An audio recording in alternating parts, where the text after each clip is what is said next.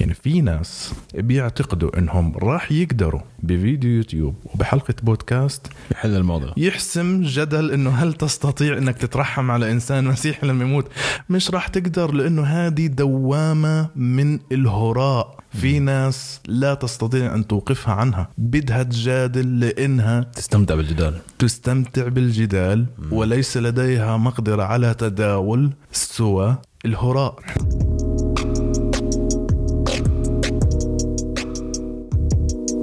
We are recording بالله. السلام عليكم رصيف بودكاست 2022 أحمد شاهين كيف حالك؟ يا سلام يا أخي. والله زي الموسيقى على اذني أنت عارف. أنا من زمان ما سمعت اسم رصيف بودكاست وراء الميكروفون. آه أكيد يعني. احكي لنا. مساء وصباح. أو مساء. أول حاجة يعني مبروك على ال setup الجميل. ال decoration جدا رائع. أنا حاسس إنه أنا قاعد في منتجع. حتجيني واحدة حتقول لي مساء الخير.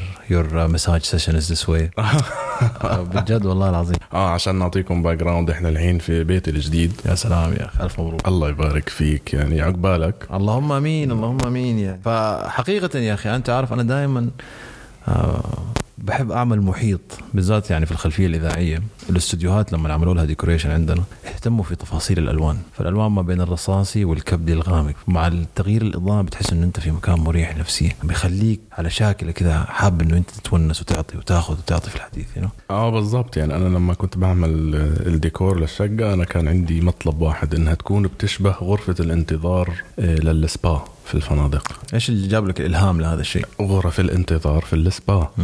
فأنا قلت أنا لازم بيتي يكون زي هيك مريح يعني. okay. لأنه بالعادة أنت لما تكون بتستنى بغرفة الانتظار في السبا ويحكوا لك يلا قوم لا أنا ما بدي أقوم.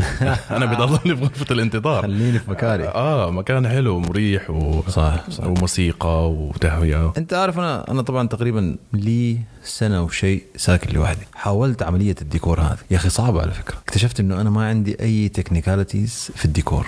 ابدا والله. ابدا. هذا ليش الناس بيعتقدوا إنها سهلة بس مش سهلة. آه مش سهلة. أنت ما عندك الجينات بس أي والله. آه. أي والله. فأنا يعني أخذتها بأسلوب آه، عزوبي بحت كنبة وتلفزيون وكان الله يجزي المحسنين عرفت؟ آه يعني هذا هذا أجر العزاب. أنا أنا طبعا استخدمت الطريقة الثانية. امرأة. يا سلام تستطيع يا فعل كل شيء. يا سلام. آه تحويل الخشب وال والجلد والقماش إلى بيت يعني. أنا ما بعرف من وين بيجيبوا اللمسة هذه والله ما بعرف يعني والله العظيم. آه يعني احتراما للمرأة يعني تستطيع أن تصنع من المنزل بيت يعني صراع لكل الجندريين آه بالله إيش حاصل معك؟ إيش الجديد كمان في تجربتك المعيشية؟ حاسس إنه في كثير تغيرات طرات عليك أنت كفرد، يعني أنت عمرك الآن what، 32 سنة؟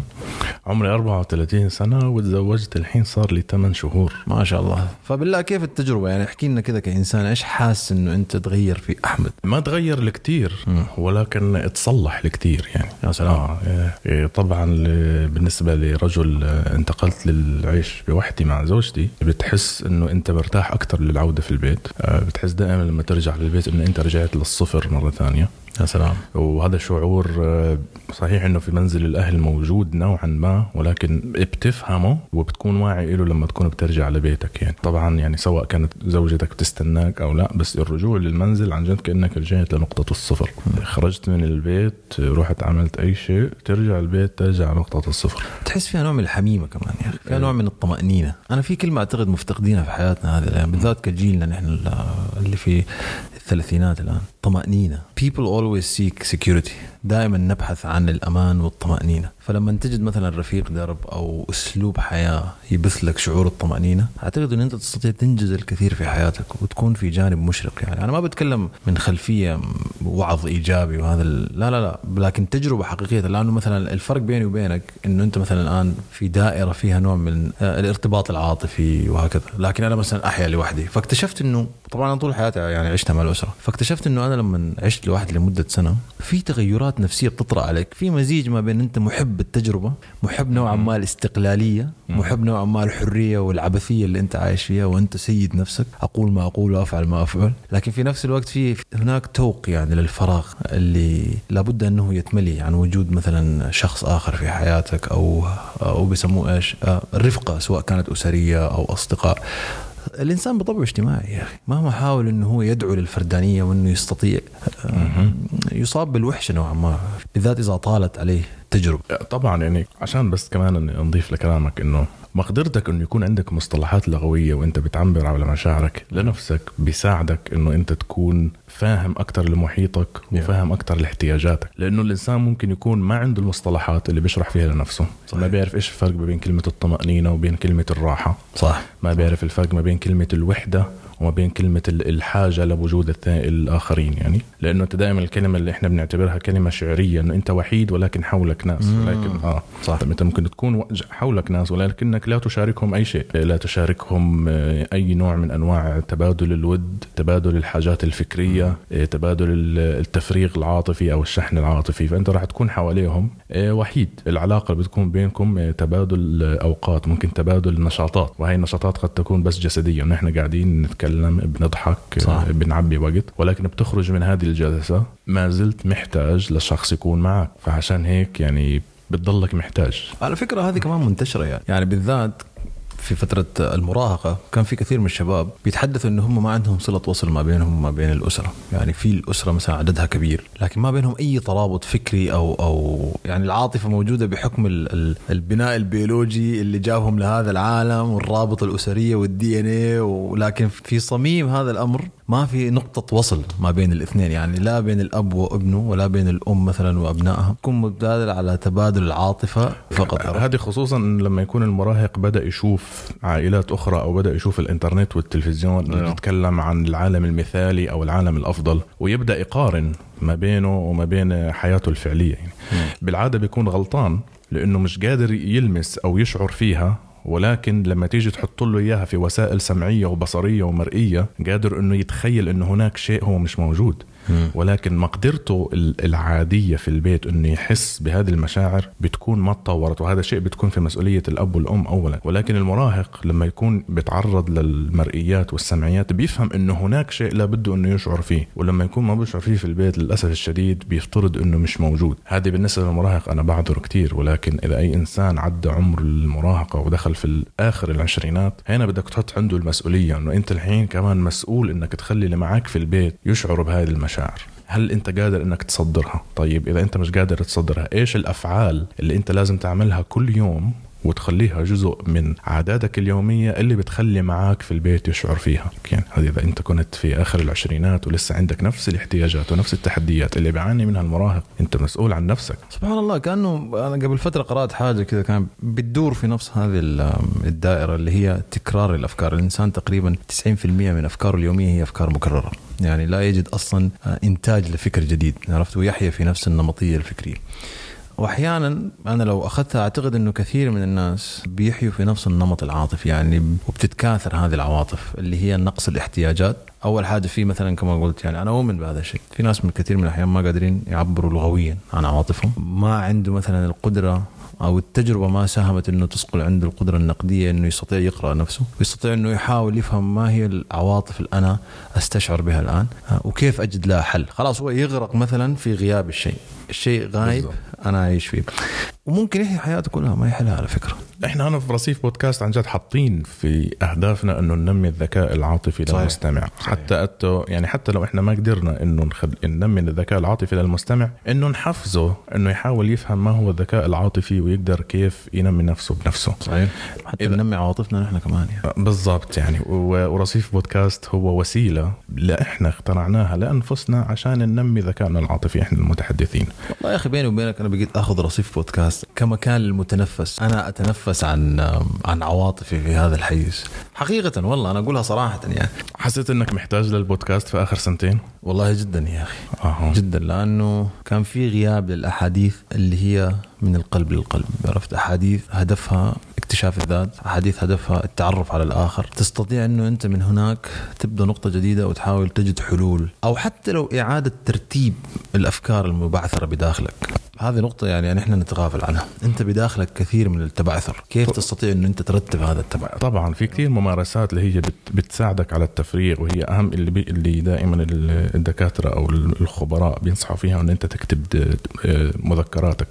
بالله جربت أنت؟ آه، ما عمري جربتها ولكن رصيف بودكاست ساعدني إني أعمل هذا الشيء يعني. بالله آه. بالضبط فأنا بدي أرجع على رصيف بودكاست عشان أكتب مذكراتي وبرضه نفسا لما تيجي بدك تحكي آه، عن رأيك اللي بتجدد كل يوم في أخبار اللي أنت بت بتواجهها. طبعا أنت كفرد عايش في القرن صرنا الواحد والعشرين. 21 ما بتقدر تخفي ارتباطك في أشياء بتحصل في الكوكب كله. ما بتقدر تنكر ارتباطك وخوفك من الاحتباس الحراري. وإذا أنت كنت ما بتعرف إيش هو الاحتباس الحراري وما بتحس عن مسؤوليتك والخطر اللي أنت بيجي عليك كفرد عايش في أي مكان في الكوكب ما بتقدر تعتبر نفسك مثقف. بالله كمل هالنقطة وأنا قاعد أكب في القهوة. أها. لأنه صراحة أنا منزعج من هذا الشيء. يا أخي أنت مش دورك تتفاعل مع كل شيء بيحصل في العالم يا أخي. بس لازم تكون مثقف كفاية في هذا المجال. يعني أنت شوف الاهتمامات اللي أنت بتهتم فيها اللي بتحس أنه أنت دورك كإنسان تتفاعل معها وتفاعل معها. لكن مثلا في مشكلة جو- بيئية أنت داخل فيها. في مشكلة جندرية أنت داخل فيها. في مشكلة جوني ديب وأمبر هيرد أنت داخل. آه هذا لما انت تكون بتحب ترهق نفسك في كل شيء بيصير في. العالم. آه، يعني ترى مش بالضبط. أنت مثقف لما تتفاعل مع كل حاجة يعني. أه بتفق معك. أه أنا بالنسبة لي يعني إنه أنت تكون فاهم إيش بيصير في البيئة. على الاقل لازم يكون أه، حد أدنى من المعرفة. إذا أنت كنت بدك تعتبر نفسك مثقف إذا كنت بدك تعتبر نفسك إنسان فعال في المجتمع وإنسان أه، قادر إنه يعمل علاقات اجتماعية وعائلية وأسرية لازم يكون عندك حد أدنى من الذكاء العاطفي. عشان تكون قادر إنه أنت تنتج رأي وإنك تضيف للناس لازم يكون عندك حد أدنى من القدرة على نقد الذات. لأنه أنت اذا راح تحاول تضيف للناس. من غير مقدرتك على إنك تنقد ذاتك تعرف إنه إحنا أوكي. إحنا احتاجنا إنه نوقف البودكاست سنتين. سنة أو سنتين. بالله سنتين ولا سنة إحنا كنا محتاجين ست شهور ولكن إحنا تكاسلنا هذا لما صح. سنتين. آه.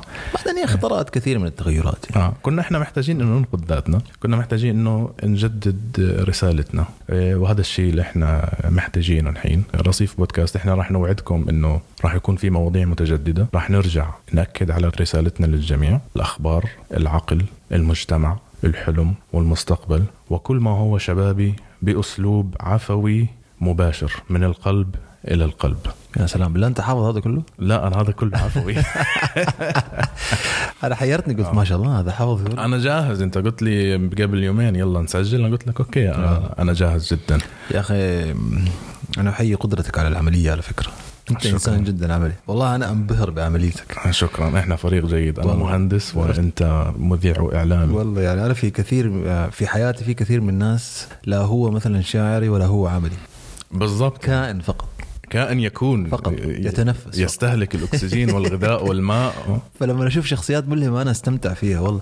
ودائما كما أقول جملتي الشهيرة يا كل الجمال. عرفت علي كيف؟ فأنت الآن يا كل الجمال. يعطيك العافية. أنت كمان كل الله الجمال يحييك. على هذه النقطة أنا أعتقد أن أنت عندك آراء جدا حلوة في موضوع آه، أمبر هيرد وجوني ديب. أنا على فكرة عشان أكون معك صريح. يعني كنت أقرأ الحواف فقط للأمر يعني.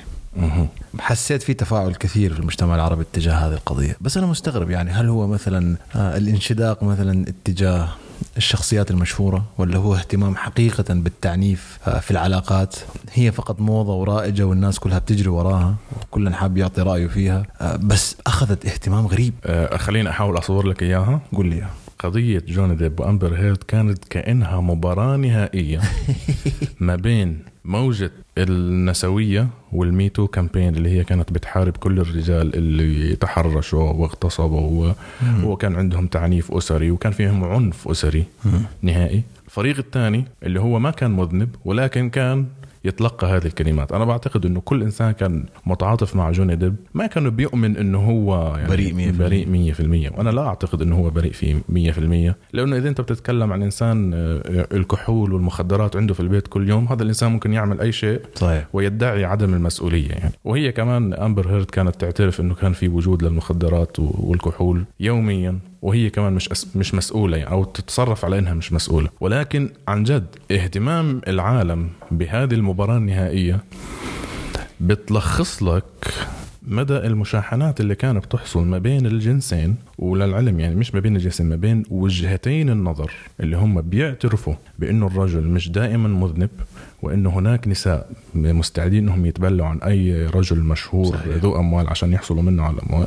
يحصلوا منه على على المال على الشهرة على فرص في المجتمع وجزء تاني مؤمن إنه المرأة مهما عملت مهما اعتدت آه، مهما يعني آه، ابتلت فهي دائما بما إنها ضعيفة بما إنها غير قادرة على تمالك نفسها فهي دائما بريئة وفي موقف وفي مكان الضحية. وإنت لا يجوز عليك إنك تنقذ الضحية ولا إنك تسألها. المباراة النهائية هذه بالعكس أنا مش سعيد جدا أنه جوني ديب فاز ولكن سعيد جدا أنه وجهتين النظر اللي كانوا خلال هالسنوات اللي راحت قاعدة بتتصارع اتلخصت كلها في مشهد واحد وأنتجت شيء جديد مش متوقع مم. فوز جوني ديب بهاي القضية أو حتى لو صار استئناف وصار في تسوية من أي نوع بس راح توضح أنه في هناك تعادل حتى ما بين الزوج المعتدي أو الذي إحنا بنعتقد أنه معتدي وما بين المرأة تلعب دور الضحية أو إذا كانت هو الضحية مم. هناك معادلة معقدة أكثر محتاجة لجلسات كلام ومحتاجة لحكم ومحتاجة لتداول آراء عشان نقدر نعبر أكثر من 140 حرف اللي كانوا عن جد موجودين في تويتر اللي مم. كانوا هم يعني يعني أنت لما تلخص مشاعر معقدة وعلاقات معقدة ما بتكلمش عن آه، التحرش في الشارع أو التحرش في العمل بتكلم عن علاقات زوجية علاقات مستدامة مو- صحيح. إنك تحاول تلخصها بكلمات بسيطة صعب جدا فالمشهد المحاكمات كان مليء بال- بالكوميديا كان مليء بالدراما ولكن لما بدك تطلع إيش سر اهتمام الناس بهذا الشيء؟ أنا أعتقد إنها بتحاول تترجم ما حصل في السنوات اللي راحت. كل إنسان بيحاول إنه يجد نفسه في جوني ديب وكل إنسان بيحاول إنه يجد نفسه في أمبر هيرد حتى لو كان رجل يعني. أنا ممكن أنت تشعر إن أنت ضحية في في عملك أو ضحية بين أصدقائك ولكن الوضع يكون مختلف تماما لأنك أنت عاجز عن نقد الذات وبتعتقد إن أنت قادر إنك تطلع بسرعة برا إيه، تحكي عن نفسك إنه أنا ضعيف إنه أنا مظلوم إنتوا حتوقفوا ضدي إيه، حتوقفوا معي وضد المعتدي بس لأنه أنا ضعيف ومشرد أو أنا ضعيف وما عندي أي حماية لنفسي. وفي نفس الثاني الناس الثانيين في نساء بيحطوا نفسهم مكان جوني ديب. إنه أنا إنسان تم استغلالي تم آه، الابتلاء علي وأنا إنسان آه، جدا جيد وجدا مسالم وهذه ودعايتي اللي أنا بعملها نفسها كلها صحيحة. على فكرة أنا قبل قبل فترة كنت قاعد أسمع لحلقه لجو روجن كان معه شخصيه اسمها جاد سعد يعني هي حلقة رائعة تستطيع أن تستمعوا إليها. فكانوا قاعدين يتحدثوا عن موضوع آمبر هيرد وجون وجوني ديب. هو الحديث أخذ منحى آخر اللي هو كان انتقاد لموجة ال body positivity أنا أعتقد إن الموضوع أو القراءة لمشهد آمبر هيرد عن طريقهم في هذاك في, في تلك الحلقة مختلفة شوي عن ال average لأنه هو كان ينظر إنه الجمال يستطيع أن ينجو بأفعال كثيرة.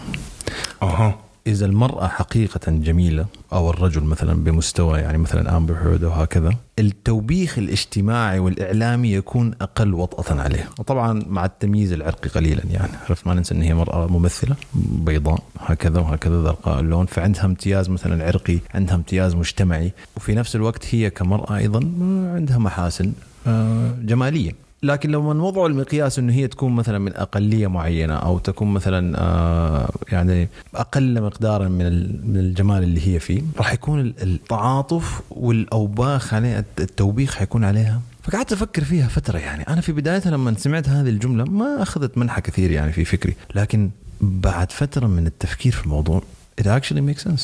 نحن في كثير من الأحيان نتغافل عن أفعال الناس فقط لانهم يبهرون سواء كانوا بجمالهم أو بشخصيتهم الكاريزماتية لكن في أساس دواخلهم أو في أفعالهم هم شخصيات سامة على فكرة. فاحيانا هذا يلعب دور يخلينا نحن نستحمل أفعال الآخرين you know? بالفعل شيء غريب. يعني لما نتفكر فيها راح تجد ان هذا الحديث منطق وفيها تعقيد و subconsciously موجود في دواخلنا. أه، صحيح. أه، حتى نتكلم عن الرجل المشهور أو الغني.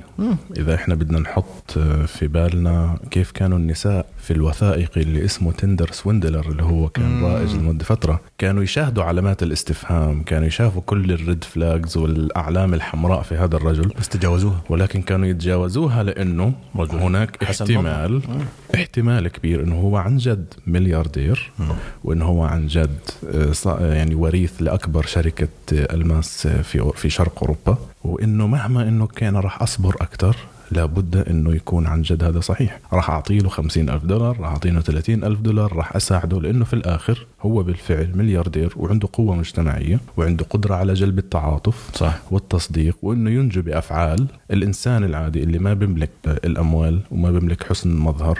وكمان لا تنسى إنه حتى يعني قادر إنه يوفر تجارب يعني فيها بذخ وفيها من الراحة وفيها هي من حلم كل إنسان إنه يخوض فيها. إنه طيارة خاصة آه، ماركات آه، مطاعم فخمة إجازات وسفرات يعني في الخيال. وحتى إن فكرة إنه إنه هو يكون نصاب أنت قادر إنه أنت تتغافل عنها عشان هناك احتمال إنه تكون غلطان ويكون هذا الشيء كله يعني عفوي وصحيح وصحي.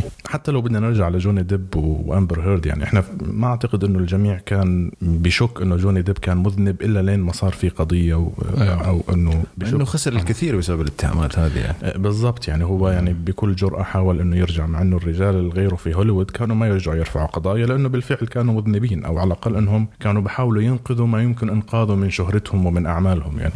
ولكن جوني ديب صحيح إنه ما خسر كل شيء ولكن كان سمعته كانت في النهايه في الحضيض يعني. كانت في الحضيض وفي نفس الوقت كان هو مؤمن إنه بريء وقادر على استرداد كل ما يمكن استرداده عن طريق المحاكمة يعني. بعدين ما تنسى في مثل هذا المحيط إذا سمعتك سيئة يستصعب إنه يعملوا معك. يعني يستصعب إنه ما يتم إلقاء عقود عليك من دون ما تشوه سمعة ال- ال- المؤسسة أو سمعة الجهة اللي أنت حاب آه، تعمل فيها. فلذلك أنا مثلا لو مكان جوني ديب أعتقد إنه ال- ال- الرابح الأكبر بالنسبة لي أو الربح الأكبر حيكون هو تبرئة اسمي.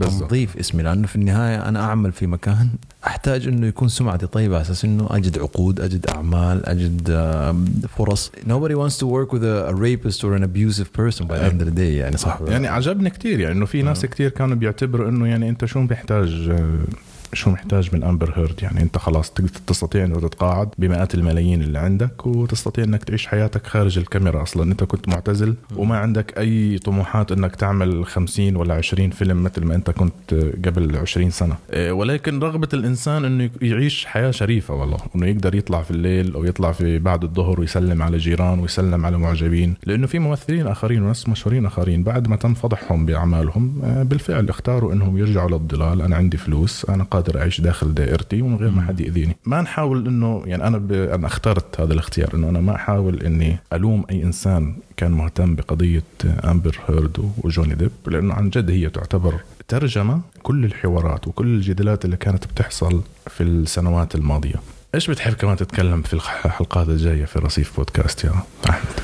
أنا مهتم جدا بالتجارب الفردية. أعتقد ان الإنسان يستطيع أن يتعلم الكثير من تجربة الآخرين من رؤياهم. للواقع لأنه في النهاية هو صقيل التجربة يصنع من تجربتك الفردية. ونستطيع أن نحن نتعلم من الآخرين من أنفسنا من التغيرات التي تطرأ علينا يوما بعد يوم. هذه أنا بالنسبة لي الاهتمام الأكبر. عندي انجذاب أكثر للجانب الإنساني للتجربة الإنسانية للحياة. وهذا الشيء نفتقد الحديث مكرر. الحديث مكرر. وين ما تذهب الحديث مكرر. في ابتذال للحديث. إحنا دخلنا في دائرة من الملل نوعا ما. آه، دخلنا في دائرة من زي ما أنت قلت تكرار نفس الترند أكثر من مرة. كل ما يحصل آه، قضية نسوية نرجع نعيد نفس الشريط. كل ما يحصل آه، قضية جندرية نرجع نعيد نفس الشريط.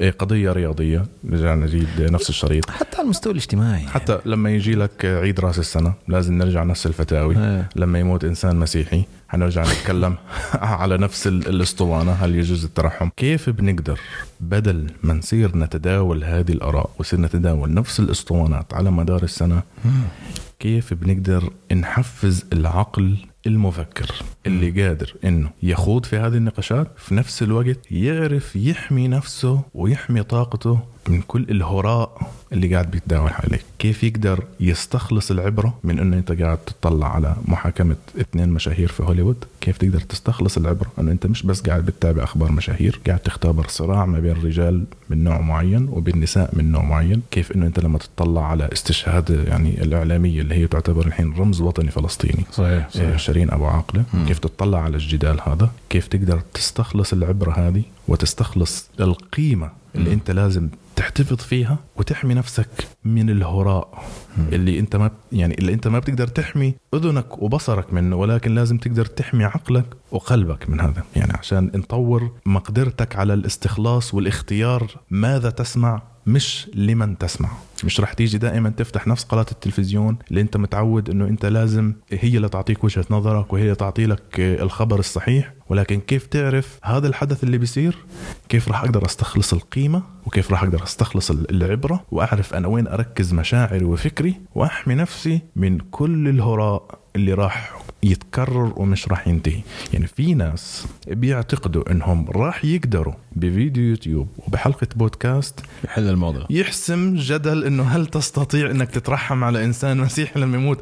مش راح تقدر لأنه هذه دوامة من الهراء. في ناس لا تستطيع أن توقفها عنها. بدها تجادل لإنها تستمتع بالجدال. تستمتع بالجدال وليس لديها مقدرة على تداول سوى الهراء. يعني أنا بدي أستخدم كلمة نظيفة على الأذن. مش عارف. كلمة غير كلمة. الهراء. كلمة اليوم هي كلمة الهراء. يعني أنا بس عاوز أضيف حاجة اللي هي أعتقد حيكون على صيغة سؤال وفي نفس الوقت صيغة إضافة. اللي هو أنا ما راح أكذب عليك. أنا شخصيا أصبحت أبعد نفسي عن كل الأحداث العالمية. مهم. ما أحب أتفاعل معها. يعني حتى بعد فترة كورونا أصبحت ما أتفاعل مع أخبارها ولا أقرأ أرقامها ولا أتفاعل مع أي شيء يدور حولها ما إني أنا مثلا أحب إنه أنا أقرأ في تويتر يعني أتغلب في تويتر. لكن أحس إنه في أشياء إذا أنت غير مؤمن في تغييرها حقيقيا كشخص ما أظن إنه هي تستحق إنه أنت تجهد نفسك عشانها. عرفت؟ بالضبط. إيش هو تعريف الهم وتعريف التوتر وتعريف القلق؟ هي أشياء سلبية تحدث في حياتك غير ت... أنت غير قادر على تغييرها؟ في لحظتها. يا أخي غير محيطك أنت أنت اللي. تستطيع تغير. يعني في يقول لك كون أنت التغيير اللي تحب تشوفه في العالم. ممكن تكون جملة مبتذلة كليشيه زي ما بيقولوا لكن برضو لها واقعة آه، جميلة على الأذن وفي نفس الوقت هي واقعية. يعني أنا شخصيا أعطيك إياها من الآخر آخر مثلا ثمانية شهور لما كورونا يعني كان في قوة عنفها وكان صعب علينا نمارس الرياضة ونقعد دائما في البيت ومع الحرارة في المناخ كان صعب إنه نحن نمارس أي أنواع يعني الممارسات الرياضية. وصلت مرحلة أنا أعتقد ما كنت سعيد بهيئتي البدنية بلياقتي بهكذا مع إنه أنا أصلا يعني خلفيتي رياضية في الأساس يعني. والعامل النفسي. كان باقي لي تقريبا شهر ويصبح عمري 30 سنة. فأنا وضعت لنفسي. أنا بدي أعمل لك حلقة كاملة عن عمر ال 30 هذه آه؟ لا. تحرقها. آه. لا مش حرق له بس هي بس جد يعني أنا أعتقد إن هذه نقطة مفصلية في حياتي كلها. أنا لو قالوا لي اختار السنة اللي أنت تغيرت فيها حقول لهم 30 years old عمر ال 30 سنة بالضبط. فكان شهر 8 قررت إنه أنا أرجع للرياضة. ومش أي رياضة. يعني في العادة أنا كنت أمارس رياضة بناء العضلات أو ال bodybuilding. لكن غيرت أسلوب رياضتي بالكامل. دخلت في ال- ال cardio آه، أكثر. الهدف كان إنه أنا أكون صحي أكثر مما تكون هيئتي آه، رياضية. حبيت أكون أنا من الداخل أحس بارتياح نفسيا. فيوم من الأيام أنا دائما كنت بدخل الجيم عندي في المبنى. بشوف رجل الساعة 7 8 الصبح بيركض في التردمل بشكله يعني ال- اللياقة فيه عالية جدا. ما بيركض أقل من 40 دقيقة 50 دقيقة وبسرعة يعني. يا أخي انبهرت. كل مرة بشوف المنظر بحس بنوع من الانبهار. بقول هذا هذا ليش بيركض كذا يعني؟ إيش إيش المتعة في الموضوع؟ ف مع. مع تكرار المشهد قررت إنه أنا أجرب نفس الشيء. مع إنه على فكرة أنا أكثر شخص بيكره الركض. ويعني وانت بتضحك لأنه حت يعني لأني بعرفك. بتعرف القضية يعني. فبديت بكيلو 2 كيلو 3 كيلو. اكتشفت شيء مع كل مسافة أنا آه، بقضيها بحس بنوع من الإنجاز. مهم. الإنجاز بيحسسني بنوع من الارتياح بيحسسني بنوع من التنفس. انتصارات صغيرة في اليوم عرفت؟ تخليك مبتسم. وعلى فكرة أنا قبلها كنت يعني قبل عمر ال 30 كنت شخص عصبي يعني في آه لا هو في tension قبل ما تشوف رقم 30 يعني أيوه مع إني حذرتك منه أيوه بعدين سريع الانفعال يعني مع آه. كل ما يطرأ في حياتي يعني. فلما قربت على 15 9 اللي هو تاريخ ميلادي أنا قررت إنه في هذا اليوم إنه أنا أجري 10 كيلو في ال treadmill وأنا في حياتي ما قطعت 10 في حياتي كلها كإنسان موجود على كرة الأرض وأنا وصلت 10 كيلو سبحان الله وصلت 10 كيلو في التريدميل. تعرف بعدها حسيت بإيش؟ بالانتصار يا أخي حسيت بشعور جميل يا أخي أنا ما قادر أوصفه لكن داخليا حسيت إنه أنا سعيد جدا. حسيت إنه أنا أنجزت شيء قررت إنه أنا أنجزه. في يوم من الأيام يعني تكلمت مع بعض الأشخاص قالوا لي جرب إنه أنت تركض في ال- في ال- في في الشارع، يعني في آه. الشارع أو كذا وبديت أعملها. صار يعني أصبحت أركض مثلا اسبوعيا يعني مثلا في الشهر قول ممكن أركض 120 كيلو. في الأسبوع أركض ما بين ثلاثة مرات 10 10 15 هكذا يعني. طبعا فقدت ثلاثة من أظافري عشان أكون معك على بينة يعني. آه الإصابات سجل الإصابات. الأرجل أيوة. لكن كل يوم أنا برجع فيه من الركضة بحس إنه أنا تركت كل هموم الحياة تركت كل التوتر تركت كل الأشياء اللي بتزعجني رميتها وأصبحت شخصية جديدة. وبالذات في الفترة الصباحية أنا بحب أركض في الصبح ما بحب أركض بالمساء. حاولت طبعا مع رمضان والتغيرات يا أخي بستطيع أتفاعل مع أكثر شخصية مزعجة في حياتي. بس بمجرد إنه أنت قاعد بتقدر تفرغ كل شيء خلال 10 كيلو جدا. ثلاث مرات في الأسبوع. وما بقولها بدعوة إنه كون إيجابي وابحث عن لا لا لا لا. هي أنا هذا الموضوع جاني صدفة. نظرت للصدفة وصنعت من الصدفة تجربة من التجربة صنعت نتيجة. literally that's it يعني. فهذيك اللحظة إلى اليوم حتى يعني في تفاعلات اليومية بيقولوا لي أنت أصبحت هادئ جدا أصبحت تتعامل مع أشياء بهدوء جدا. أنا من دواخلي أحس بهدوء. أحس بكمية من الهدوء أنا ما حسيتها في حياتي كلها. لأنه أنا في الساعة هذه مش بنهك فقط بدني بنهك أفكاري وبستطيع إنه أنا أفكر أحسن وأنا بر- بركض. بستطيع إنه أنا أتفاعل مع أفكار عالقة في ذهني أستطيع إنه أنا أبحث عن حلول أستطيع إنه أنا أتساءل عن مواضيع. فخلتني أتساءل يعني لماذا الجري يساعدني إنه أنا يخليني أفضل؟ لماذا يساعدني إنه أنا أكون قادر إنه أنا أكون شخصية لطيفة على مدار اليوم؟ تعرف إذا أنا ما ركضت بشوف الفرق في اليوم اللي أنا ركضت فيه واليوم اللي ما ركضت فيه. بس أرجع للمعلومة اللي حتحكيها كمان شوي. إذا نظرت بإتقان وأعطيت كل شيء فرصة جرب الأشياء اللي أنت ما بتحبها. ممكن أنت تبدع فيها وتطلع أنت محب فيها. نحن في كثير من الأحيان بنهتم في الأشياء اللي نحن فقط بنحبها نحاول نستثمر باللي إحنا أصلا اوريدي استثمرنا فيه ونجحنا فيه. لا عموما لا. يعني نحن دائما بنركض وراء ال- ال- العواطف أو الاهتمامات اللي نحن مهتمين فيها. لكن أنت ممكن تجرب شيء أنت غير مهتم فيه وداخليا تطلع. يعني أعطي في الحياة فرصة. أنا أكثر إنسان كنت بكره الجري. أنا أكثر إنسان كنت بكره فكرة إنه أنا أعرق أصلا. لكن لما أعطيتها فرصة النتيجة طلعت جميلة. وبعدها أصبحت أجرب كل شيء في الحياة. طبعا على محدود يعني. إذا لقيت شيء مثلا أنا مستغرب إنه أنا ما حبيته من قبل سواء كانت طبخة سواء كانت طلعة سواء كان أعطي فرصة للأشياء. أنت الآن بتستمع. يعني مثلا أنا ما كنت بحب أسمع مثلا بودكاست مدته ساعة. مستحيل. يا أخي بعطيه فرصة بستفيد من هذول الناس. تقدر تستمتع ساعه كاملة. ممكن. عرفت؟ طبعا مع الاختيار الصحيح يعني. في كثير من الأشياء المبتذلة الموجودة في الكونتنت بس عطيتها فرصة لين ما لقيت البودكاست الصحيح. أيوه مش شرط تخلص كل حاجة يعني لنهايتها. شوف. You know. يعني إحنا ممكن طبعا نضيف أكثر في الحديث هذا لكن نحن بس حبينا إنه نبين لكم إنه نحن عدنا ونحكي شوي عن تجربتنا الشخصية وسبب الغياب. راح نحكي عنه كتير إن شاء الله. أنا سعيد كتير إن- إنه قعدنا. مرة ثانية وسجلنا. أكيد. إيه، هاي الحلقة ممكن نعتبرها تسخين ومحاولة تجميع أفكار. إيه، إن شاء الله الحلقات الجاية راح تكون آه، بنفس الموعد. يا سلام. وراح تكون آه، بنفس الأسلوب. شبابي عفوي. يا سلام. كما عشنا طفولتنا. يا سلام. نجلس على الرصيف ونتحدث. ولا زي ما قال الشاعر يعني بسبب غيابك الطويل. لو رسيت في حياتي ما احتجت لي مناح ولا لا يعطيك العافية. تسلموا كثير شكرا كثير على استماعكم. رصيف بودكاست. انتهت الحلقة. إلى اللقاء.